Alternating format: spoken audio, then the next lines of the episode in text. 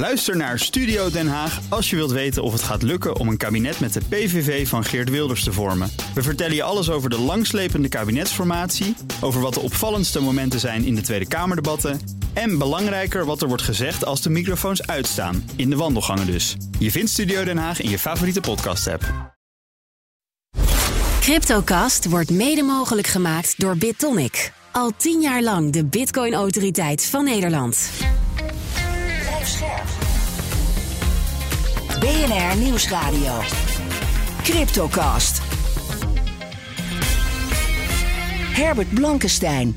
Welkom bij de Cryptocast. Met vandaag de campanen Genesis en Gemini maken ruzie met elkaar, maar worden nu ook allebei aangeklaagd voor het aanbieden van illegale beleggingen.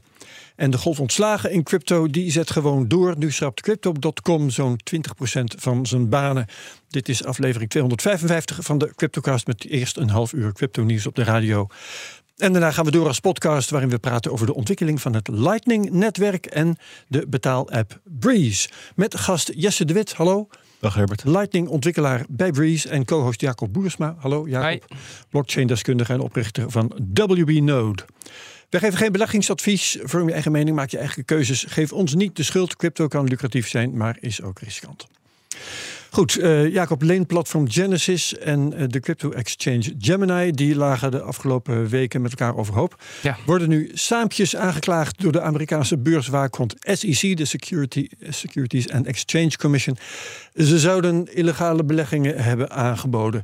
Um, wat is het precies waar die Amerikaanse SEC op aanslaat? Uh, de SEC slaat specifiek aan op het product Earn... dat... Um Gemini heeft aangeboden uh, aan klanten waarbij ze uh, ja, eigenlijk uh, staking konden doen. Dus je kon je crypto vastzetten en daar een rendement op krijgen. Uitlenen eigenlijk. Hè? Ja, ja, dus ja. het is eigenlijk een, leen, een lening die, die je verstrekt. Um, en Genesis was de, degene die ervoor zorgde dat je dan ook dat, dat rendement kreeg. Um, en ze, ze uh, spiegelden uh, 8% uh, returns voor aan hun klanten. Ja. Dus dat, ja, dat, er zijn best wel een aantal mensen die daar gebruik van hebben gemaakt. Ja, en die SEC die is er voor securities. Um, ja. Dat zouden het ook zijn. En dan hadden ze geregistreerd moeten worden, hè, die aanbiedingen van Gemini. Um, maar kun je dat uitleggen? Securities is Amerikaans voor effecten of beleggingen. Ja. En wanneer is iets in de cryptowereld nou precies een effect? En wanneer is het een commodity, wat dan ja. weer Engels is voor een goed? Goed, ja. Ja, um, uh, dat is in de, in de cryptowereld uh, moet je, uh, zijn daar natuurlijk heel veel vragen over. Maar die, die vragen die zijn er al eigenlijk heel lang. En uh, in Amerika gebruiken ze daar de zogenaamde Howey-test voor. En dat uh, komt uit een Supreme Court uh, rechtszaak van 1946 tegen meneer Howey. Waarbij is gezegd van nou, um, hoe bepaal je nou of iets wel of niet een financieel product is wat onder die securities law valt. en dan moet het dus een common enterprise zijn waar je geld in investeert. waarbij de verwachting is dat daar winst uit wordt gemaakt. Uh, uh, uh, door, die worden, en die winst wordt mogelijk gemaakt door efforts of the promoter or a third party. Dus, um, en dat is, dat is meestal het cruciale element.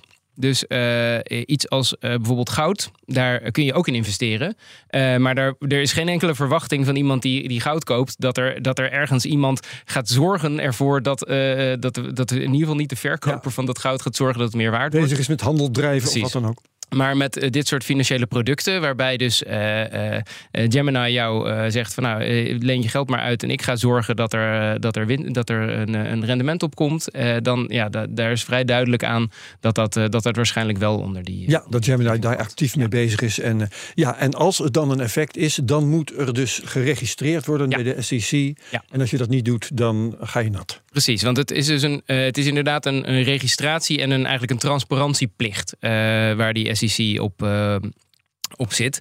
Um, uh, want het, het, is niet alsof zij beoordelen of het wel of niet een goede belegging is. Uh, dat, dat zou, dat, dat zou wel heel mooi zijn. Ja. Dat, je, mag, je mag prima beleggen in dingen die niet, zo, niet zo slim zijn. Maar de aanbieders van die, van die producten moeten het geregistreerd hebben bij de SEC. En moeten ook daar bepaalde transparantie-eisen voldoen. Dus ja. ze moeten ook wel ja, uitleggen wat, de, wat de risico's zijn en hoe dat is opgebouwd. Um, dus ja, ook daar is natuurlijk de vraag of dat allemaal netjes gebeurd is. Ja, en nou loopt er al een zaak rondom Ripple, waar eens in zoveel tijd nieuws over is. Ja. Ehm, allerlei andere eh, coins, eh, daar is eh, dezelfde vraag over. Ja. Ethereum is een twijfelgeval. Bitcoin is al benoemd tot een commodity, hè, een Ja. goed. Bitcoin is heel duidelijk, omdat er is niet een soort bedrijf wat Bitcoin uitgeeft. Er is ook nooit een Bitcoin ICO geweest.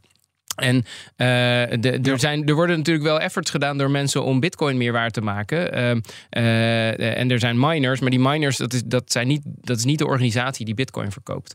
En Ether is een, is een lastige, want die, is, die heeft heel veel eigenschappen natuurlijk ook van wat eh, Bitcoin heeft eh, qua decentralisatie. Maar er is wel in der tijd ooit een crowd sale van geweest. En er Ja. is wel een Ethereum Foundation. eh, je, ja, je kunt je organisatie. Dus wel afvragen of dat de organisatie is die dan eigenlijk eh, Ether als Ja, een soort. en dat is dan ook nog een open uitgegeven. Maar wat gebeurt er? Moeten eh, op den duur al dit soort activiteiten dan stoppen? Of moeten ze eh, een of andere fee gaan betalen of zo? Wat is nou Eh, precies nou ja, goed. Als je, het dus, als je dus illegaal, als je wordt gezien als dat je het illegaal hebt eh, gedaan, dan kun je natuurlijk een enorme boete opgelegd krijgen. Ehm, en ze, je, het, het kan in ieder geval verboden worden om het aan te bieden aan, aan mensen in de Verenigde Staten. Hmm. Ehm, je ziet ook dat om onder de- deze wetgeving uit te komen, heel veel ICO's en DAO's en dergelijke ook zeggen van nou wij leveren niet aan eh, ehm, eh, mensen die eh, een US person zijn, die dus Ah. ofwel Amerikaan zijn of in Amerika wonen. Want dan, dan hoef je niet aan die SEC-wetgeving te voldoen. Ja, ja. Eh, Jesse, jij werkt aan het Lightning Network. Je programmeert, je, je helpt een, een app te bouwen, open source. Eh, heeft dit op een of andere manier een raakvlak met jouw werk? Of is dat gewoon niet het geval? Nee, dit heeft eigenlijk helemaal geen raakvlak met mijn werk, inderdaad. Eh, alles waar ik me mee bezig hou, dat is met Bitcoin in eigen beheer.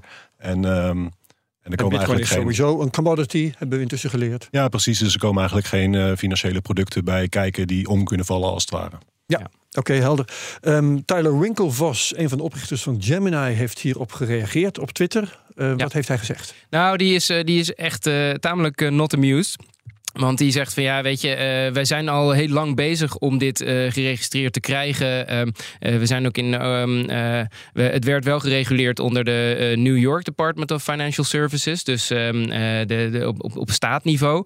En hij zegt ook van ja, we wilden al heel lang, we waren al heel lang in discussie met de SEC, maar dat duurt gewoon heel lang. En ja, nu wordt het in één keer nadat het een probleem is geworden.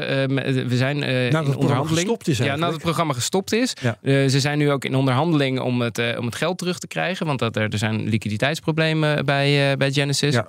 Eh, en nu in één keer eh, komt de SEC eh, hier met dit, met dit bommetje. En dit helpt niet om klanten hun, hun geld terug te, te laten Nee, hij noemt het een parking ticket, hè? Ja. ook wel grappig. Ja, en ook nog volgens mij een, inderdaad een, een, een, een, een, opge, zeg maar een, een verzonnen parking. Ja, manufactured. Ja. Ja, Een, een, een nep parkeerbon. Ja. Goed, nou, ehm, dit gaan we volgen. En we komen er op termijn wel op terug als daar nieuwe ontwikkelingen in zijn. Tijd om te kijken naar de prijzen met Bert Slachter, analist van de digitale nieuwsbrief Bitcoin Alpha. Dag Bert. Goeiedag. Nou ja, we hebben spectaculaire ontwikkelingen te bespreken. En ook wel eh, voor mensen die eh, tenminste die Bitcoin hebben. Leuke ontwikkelingen. Vertel. Ja, kijk, we hebben. Het was, vorig jaar was het wel gebruikelijker. Of, of hè, tijdens die boommarkt en ook de instorting. dat je, hele, dat je dagen had. dat de koers 10, meer dan 10 procent bewoog. Alleen dat was de laatste maanden hadden we dat helemaal niet meer. Was hartstikke Nee. rustig. En eh, nu ineens weer wel. Dat wil zeggen, eigenlijk al vanaf 1 januari, vanaf begin van het jaar. zie je langzaam ehm, de markt wat ontspannen. Hè. Dat is een beetje mijn eh, in, eh, gevoel wat ik daarbij dan krijg. Ehm, en eh, inmiddels staan we 30% hoger voor Bitcoin ehm, dan op 1 januari. Sommige andere crypto-assets die zijn nog veel st- steviger gestegen. Maar dat zijn dan ook vaak ehm, munten die ook heel erg veel verloren hadden. Hè. Dus dat is eigenlijk wat minder verlies dan, dan dat, dat ze het nou zo ontzettend sterk zijn. Ja, dat speelde zich eigenlijk af op donderdag, vrijdag, zaterdag vorige week. Dat waren de drie eh, sterkste dagen. Maar het is wel lastig om nou echt een hele duidelijke oorzaak aan te wijzen. Eh, ik denk dat ja, die, de, de markt die wat ontspant, hè, mensen die hun short positie sluiten of die hun, ehm, eh, hun hedge of zo, hè, dus de verschillende strategieën daarvoor hebt, die, dat, die daarmee stoppen, omdat ze denken van nou ja, het ergste is misschien Ja. achter de rug. Was het niet zou meevallende dat- inflatie? Ja, dat zou een van die dingen kunnen zijn. Hè, dat, we, dat, er, dat er vertrouwen toeneemt. Dat we aan het eind van een reeks renteverhogingen zitten. Hè. Afgelopen donderdag was er inderdaad, waren inderdaad de inflatiecijfers. Ehm, wat ook zou kunnen spelen is dat, dat woensdag de nieuwe baas van FTX ehm, liet weten dat ze al 5 miljard dollar boven water hebben gekregen voor de schuldeisers. Dat is ook een enorme meevallen. Ja, ja, ja. Dus dat, dat zijn wel ehm, mogelijke katalysatoren, maar precies weten we het niet. Nee. Oké, ehm, en weet jij wie er op dit moment kopen? Hè? Want stijgende koersen betekent dat er overwegend gekocht wordt. Is on-chain te zien wie daarmee bezig is? Mm, Ja, het, is, het geeft een gemengd beeld. Hè. Dus we zien nu dat de miners eigenlijk al een anderhalf, twee weken niet meer verkopen. Dus dat is op zich positief. Ehm, eh, grote en kleine spelers door elkaar zijn nu aan het accumuleren, aan het kopen. Ja. We zien wel, we zagen wel tijdens die stijging heel veel ehm, eh, liquidaties van short-posities. En daar kun je wel zien, als je dat een beetje vergelijkt, dat dat eh, vergelijkbaar is met de crash ehm, eh, bij FTX in begin november. Toen waren het natuurlijk long-posities die gesloten werden. Nu zijn het short-posities. Dus dat, is- dat is redelijk symmetrisch. Dus dat speelt ook een rol. Hè? Dus dat de mensen gegokt hadden of, of eh, zich gepositioneerd hadden voor verdere daling. Nou ja, dan gaat die koers stijgen en dan sluiten ze die positie al dan niet gedwongen. Ja, en ehm, wat je kunt hebben bij koersstijgingen is dat de vraag groot is. Het kan natuurlijk ook gewoon zijn dat het aanbod heel klein is. Is dat misschien ook aan de hand? Of Ja, terechte vraag hoor. Want, want, want za- eh, afgelopen zaterdag tot en met maandag, gisteren, waren de financiële markten in de Verenigde Staten gesloten. En gisteren was, ehm, geloof ik, Martin Luther King dag. Ja. Ehm, en in die periode eh, vond wel veel stijging plaats. Dus dan moet je wel gaan kijken naar hoe zit dat dan? Wat gebeurde er dan? Ehm, het, het, het volume, het transactievolume is wel vergelijkbaar met bijvoorbeeld weer de crash van FTX. Hè. Dat was namelijk een daling van ongeveer 21.000 naar 17.000. Nu zagen we een, een, een, een, een soort van symmetrisch daartegenover een stijging. Ehm, en, en wat ook opvallend is, veel van de prijsstijging die vond de afgelopen twee maanden plaats in de Aziatische sessie. Dat is het tijdvak dat het in, in Azië overdag is. En de, de Azië bleef ook ste- sterk de afgelopen weken, maar daar is nu de Verenigde Staten bijgekomen. Alleen Europa laat nog een beetje afweten. En, maar het is dus, het, je kan dus wel zien, het komt van, vanuit allerlei plekken op de wereld. Ja. Ehm, en het volume is in orde. Dus ja, het lijkt er toch op dat ehm, ehm, het niet alleen maar een kwestie is van klein aanbod. Met andere woorden, weinig liquiditeit in de markt.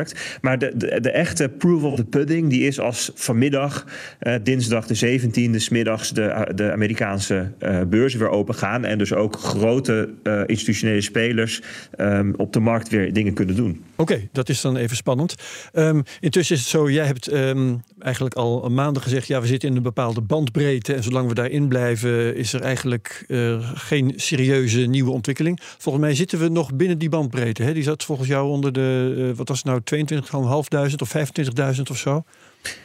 Ja, dat klopt. Ja, als je nu kijkt naar, de, naar, naar de, alle signalen die voorhanden zijn, dan wijst dat op het middenstuk van een bearmarkt. De, periode, de periode en het prijsbereik waarin bodems gevormd worden. Ehm, en voordat we van een nieuwe boelmarkt zouden spreken, willen we eigenlijk een heleboel dingen nog anders zien. Een hele hoop veranderingen. Je wil in essentie hogere toppen, hogere bodems zien. Ehm, en daarbij hoort dan automatisch dat de koers weer boven een aantal langlopende gemiddelden komt te liggen. Daar lig je nu onder. En dat wil je graag ondersteund zien door toenemende activiteit. Toenemend en handelsvolume, welke grenzen moeten we dan in de gaten houden wat jou betreft? Ja, veel van die niveaus liggen nu rond de 25.000 dollar. en Ja, ja, ja. daarboven, dan neemt de waarschijnlijkheid toe dat we inderdaad de bodem wel gezien hebben. En ehm, eh, hè, dus voor nu zou ik zeggen, ja, wees voorzichtig. Dit zou inderdaad ook best ja, gewoon een, een opleving kunnen zijn in een veel langere bearmarkt. Ja, oké. nou, eerste gewin is kattengespin, zei mijn oma altijd. en daar houd ik mee aan. Dankjewel, Bert Slachter, eh, analist bij de digitale nieuwsbrief Bitcoin Alpha. Meer is te vinden op Bitcoin, sorry, op ehm, eh, bitcoinalpha.nl met eh, PH, niet vergeten. Goed, ehm, de golf aan ontslagen in de cryptowereld, eh, die eh, gaat vooralsnog gewoon door. Misschien dat het ook een keer ophoudt. Eh, maar waar eerst Coinbase een keer een deel van zijn personeel moest ontslaan, doet nou een andere grotere exchange dat. En dat is crypto.com. Eerder hebben bijvoorbeeld ook blockchain.com, Huobi, BlockFi en trouwens ook Genesis en Gemini, vele andere mensen laten gaan. Eh, ik heb eens even nagekeken. In het afgelopen half jaar zo'n 25.000 banen bij een kleine 50 bedrijven. Zeker. Dus het is nogal een slachting. Maar Maar goed, bij de NFT, eh, bij een aantal NFT-markten ook, ja. ja, ja, ja, OpenSea bijvoorbeeld was er eh, ook eentje die in het lijstje stond. Ja. Te vinden op Coindesk trouwens. Ja. Ehm, ja, koersen zijn gedaald. eh, dat is natuurlijk vervelend. Maar waarom gaan bedrijven dan mensen ontslaan? Wat is precies het mechanisme, Jacob? Nou, ehm, wat je ziet is natuurlijk dat een, een flink aantal van dit soort bedrijven ehm, eh, zijn, zijn Amerikaans of ehm, eh, worden op de, een beetje Amerikaanse manier eh, gerund. En, en daar zie je dat, dat eigenlijk bij tegenslagen best wel snel ehm, eh, mensen ontslagen worden. Veel van dit soort bedrijven worden natuurlijk ook ge- gefinancierd door, door venture capitalists Ja. voor een deel. En die willen altijd graag, als, het, als het tegen zit, zien dat je echt bezig bent om, om te zorgen dat je aan, in de kosten snijdt. En dan is je personeelskosten bijna altijd wel een van de grootste dingen. Ja, om in dus dit voor een deel zeg je eigenlijk voor een deel is het window dressing. Nou ja, het, is, het, is een deel window dressing. Ik denk ook dat het wel echt serieus zoden aan de dijk zet. Omdat je wel echt Tuurlijk, ook eh, eh, nu ja, moet zorgen dat je niet te veel ja, onnodige uitgaven hebt. Maar betekent, dat, dat, zeg je dan, onnodige uitgaven. Betekent het ook dat cryptobedrijven heel makkelijk onnodige uitgaven doen in tijden die goed lijken? Ehm, ja, goed. De, de vraag is wat onnodig is. Maar Ja. ehm, eh, in 2022, begin 2022, heeft in ieder geval. ehm, eh, Crypto.com eh, best wel veel nieuwe mensen aangenomen. Eh, ik denk dat wel meer bedrijven dat hebben gedaan. Ook met het hele idee van we komen uit de, de coronapandemie. Er is toch een hoop pent-up demand. Mensen hebben zoiets van, nou, dit 2022 gaat echt een topjaar worden. Heel veel mensen aannemen. En niemand had dus eigenlijk die hele cascade van Luna en dan Celsius en dan uiteindelijk FTX Nee. eh, aanzien komen. Nee, maar weet je, die precieze gevallen, dat die bedrijven zo omvallen, zouden omvallen en zo, dat heeft eh, natuurlijk niemand of bijna niemand voorzien.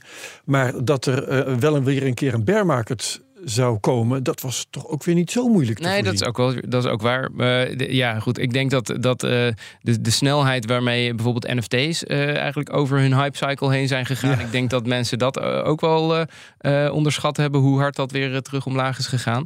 Ehm, en je moet ook niet vergeten dat een bear market voor zeker voor bijvoorbeeld exchanges niet per se slecht hoeft te zijn. Ehm, het is eh, de- de- eigenlijk uiteindelijk natuurlijk vooral wordt er veel gehandeld. En eh, zolang er veel volatiliteit is, kan dat, eh, kan dat natuurlijk nog steeds Ja. zo zijn, ook als de koersen omlaag gaan. Alleen in dit geval ja, was er natuurlijk ook heel veel contagion, doordat allerlei mensen mm, ja, geld hadden staan bij FTX of bij partijen die geraakt zijn door FTX. Dus de, er, zijn ook, er is nu meer aan de hand dan alleen maar het, het dalen van die koersen Ja, in zo'n bear market. Dat is natuurlijk waar. Stel nou dat je klant bent van zo'n exchange, hè, van Crypto.com of van Coinbase, noem maar op. Mhm. Ehm, wat merk je dan eigenlijk? Zo'n exchange werkt hoofdzakelijk automatisch. Hè? Je gaat naar die site en je voert een Ja. eh, trade in en die wordt gewoon uitgevoerd. Er komt geen mens bij te pas. Eh, wat merk je dan wel als klant? Eh, is de helpdesk opeens verdwenen? oh, wat is het? Nou, ik, ik kan me wel voorstellen dat je bijvoorbeeld eh, minder snelle uitrol van nieuwe features zult gaan zien. Hmm. Eh, want goed, de innovatie is natuurlijk eh, snel iets waar als eerste op bezuinigd wordt. Ik kan me voorstellen dat je minder marketing zal zien. Ik denk dat, dat, je, dat, dat- ja, dat, dat dit soort bedrijven toch aanzienlijk minder presence op, op grote beurzen en dergelijke zullen gaan hebben. Ehm, maar ik hoop eigenlijk niet dat ze bijvoorbeeld gaan bezuinigen op de security. Eh, je, je, je hoopt toch dat, eh, dat de mensen die zorgen dat, jou, eh, dat jouw crypto veilig staan, dat die in ieder geval wel eh, van een baan verzekerd blijven. En dan zit hier nog Jesse de Wit eh, van Breeze, eh, Lightning Developer. En jullie maken eh, een- betaalapp onder andere. Ehm, wat merken jullie van die bear market? Is bij jullie de beurs nu ook krapper? Nee, eigenlijk bij Breeze eh, merk je daar eigenlijk helemaal niks van. Ehm, het is gegroeid van drie ontwikkelaars naar acht ontwikkelaars in de laatste paar maanden. En eh, ik denk ook sowieso dat eh, mensen die met Bitcoin werken, aan, zeker aan de open source technologie kant, die merken op zich niet zoveel van de, van de koers. En ik denk dat ehm, ook wel veel Bitcoin-only bedrijven eh, er überhaupt veel minder last van hebben. Omdat die meer kijken naar de lange termijn dan, eh, Ja. dan de korte termijn. Ja, ja, dus jullie kunnen gewoon lekker door innoveren. Jazeker. Ja. En eh, Jacob, we hebben het vooral over Amerikaanse bedrijven. Dat is Mhm. wel opvallend. Hè? Merken andere partijen buiten Amerika, Europa, China, weet ik het. eh, Binance misschien, merken die ook wat van, van deze krapte? Gaan die ook nog bedrijf, eh, eh, eh, medewerkers ontslaan bijvoorbeeld? Eh, nou, je, het is, het is, er zijn wel meer bedrijven die, eh, die je ziet dan, eh, dan alleen Amerikaanse bedrijven. Maar wel veel be- bedrijven die in Amerika actief zijn. Ehm, Uh, ik kan me voorstellen ook dat, uh, dat in Nederland uh, cryptobedrijven het wel moeilijker hebben. Um, maar je hebt natuurlijk ook wel dat in Nederland is het sowieso moeilijker om mensen te ontslaan. Ja. Waardoor bedrijven in het algemeen ook um, ja, wat beter nadenken voordat ze mensen ook aannemen. Um, dus ja, ik, ik, denk dat die, dat, dat die Nederlandse bedrijven wel meer een plan hebben van om, om ook tijdens een bear market in ieder geval niet te veel rode cijfers te draaien. Ja, maar, en niet te veel mensen aan te nemen misschien als precies, het nog goed gaat. Precies. Want overigens, hè, want we, we, horen wel iets over Bitfavo. Die uh, hebben dan even een, een lastige periode. Door, ja. Dat de vraag is of die lening terugkomt. Maar echt een Nederlandse uh, cryptobedrijven die uh, op grote schaal moeten ontslaan, nog niks, niks van gehoord. Nee, nee ik zie de, uh, in de lijstjes met die ontslagen die jij ook noemde, daar zie ik nog geen Nederlands bedrijf tussen staan. Nee. Maar ik denk ook niet dat er veel bedrijven ook van de omvang zijn van een, een, een Binance of een, of een Kraken of iets dat dergelijks in Nederland. Ja. Um, maar ja, ik denk ook dat ze hopelijk wat, ja, wat meer reserves hebben opgebouwd. Dat hopen we inderdaad. Goed, um, daarmee sluiten we dat af. Gaan we even vooruitkijken naar de podcast van zo direct. Jesse de Wit, jij bent uh, aan het ontwikkelen. Uh, Lightning Network. Um, hoe staat het met die tweede laag bovenop het Bitcoin-netwerk op dit moment? Dat groeit, uh, het groeit hard, het groeit exponentieel. er komen steeds meer bedrijven bij eigenlijk die bovenop Lightning gaan bouwen. Um, ja, je merkt ook, het is, het is bruikbaar, het is supersnel en privé en veilig. En je hebt je Bitcoin in eigen beheer. Um, ja, er moet nog wel een hele hoop gebeuren voordat je oude tante het zou kunnen gebruiken. Dus uh, gebruikerservaring, daar moet nog zeker wat aan gesleuteld worden. Ja, dat zijn vreselijk interessante dingen om uh, straks uitvoerig te bespreken. Dan wil ik nog van je weten, je werkt voor het bedrijf Breeze, B-R-E-E-Z. En jullie maken een app. Wat doet die app? Ja, met die app heb je een uh, Lightning Node in je mobiele telefoon. En uh, ja, eigenlijk uh, simpelweg kan je met die Lightning Node uh, betalen en ontvangen. Dat is het makkelijkste wat je ermee kan doen. Er Alleen als ondernemer of ook als particulier, dat als de een de rekening van het café betaald heeft, dat je dat dan snel via Lightning terug kan betalen aan je vriend? Ja, bijvoorbeeld. Ja, het is eigenlijk gewoon een soort portemonnee. Hè? Dus je gebruikt het een beetje op dezelfde manier als dat je cash zou gebruiken. Ja. Je kan aan iedereen die Lightning accepteert, kan je mee betalen. En je hebt dan dus in die app, ja, je hebt het in eigen beheer. Uh, die bitcoin. Dus er, zit geen bedrijf achter die jouw uh, fonds beheert. Er is geen uh, bitcoin bank als het ware. Ja. Is dat voor jou, Jacob? Nou, ik, uh, ik vind uh, Lightning super fascinerend. Maar ik heb inderdaad ook uh, niet de tijd om helemaal te verdiepen in het zelf opzetten van, van een eigen, eigen node daarvoor. Dus de, ik vind het een hele mooie ontwikkeling om dat, ja, dat soort dingen aan te niet meer nodig. Mooi zo. gaan we uitvoerig allemaal bespreken. Um, tot zover de Cryptocast op BNR. dank aan gast Jesse de Wit van Breeze. Dank aan Jacob Boersma van WB Note. Wie meegaat naar die reuze interessante uh, podcast. Zo direct tot straks. Wie het hierbij laat, hartelijk dank. Ook goed, graag tot volgende week bij de Cryptocast op BNR. Cryptocast wordt mede mogelijk gemaakt door BitTonic. Al tien jaar lang de Bitcoin-autoriteit van Nederland. Ook Diana Matroos vind je in de BNR-app. Ja, inderdaad. Je kunt live naar mij luisteren tijdens de Big Five. Ook handig in de BNR-app. Breaking nieuwsmeldingen, maar ook het allerlaatste zakelijke nieuws. En je vindt in de app alle BNR-podcasts, waaronder Wetenschap Vandaag. Download nu de gratis BNR-app en blijf scherp.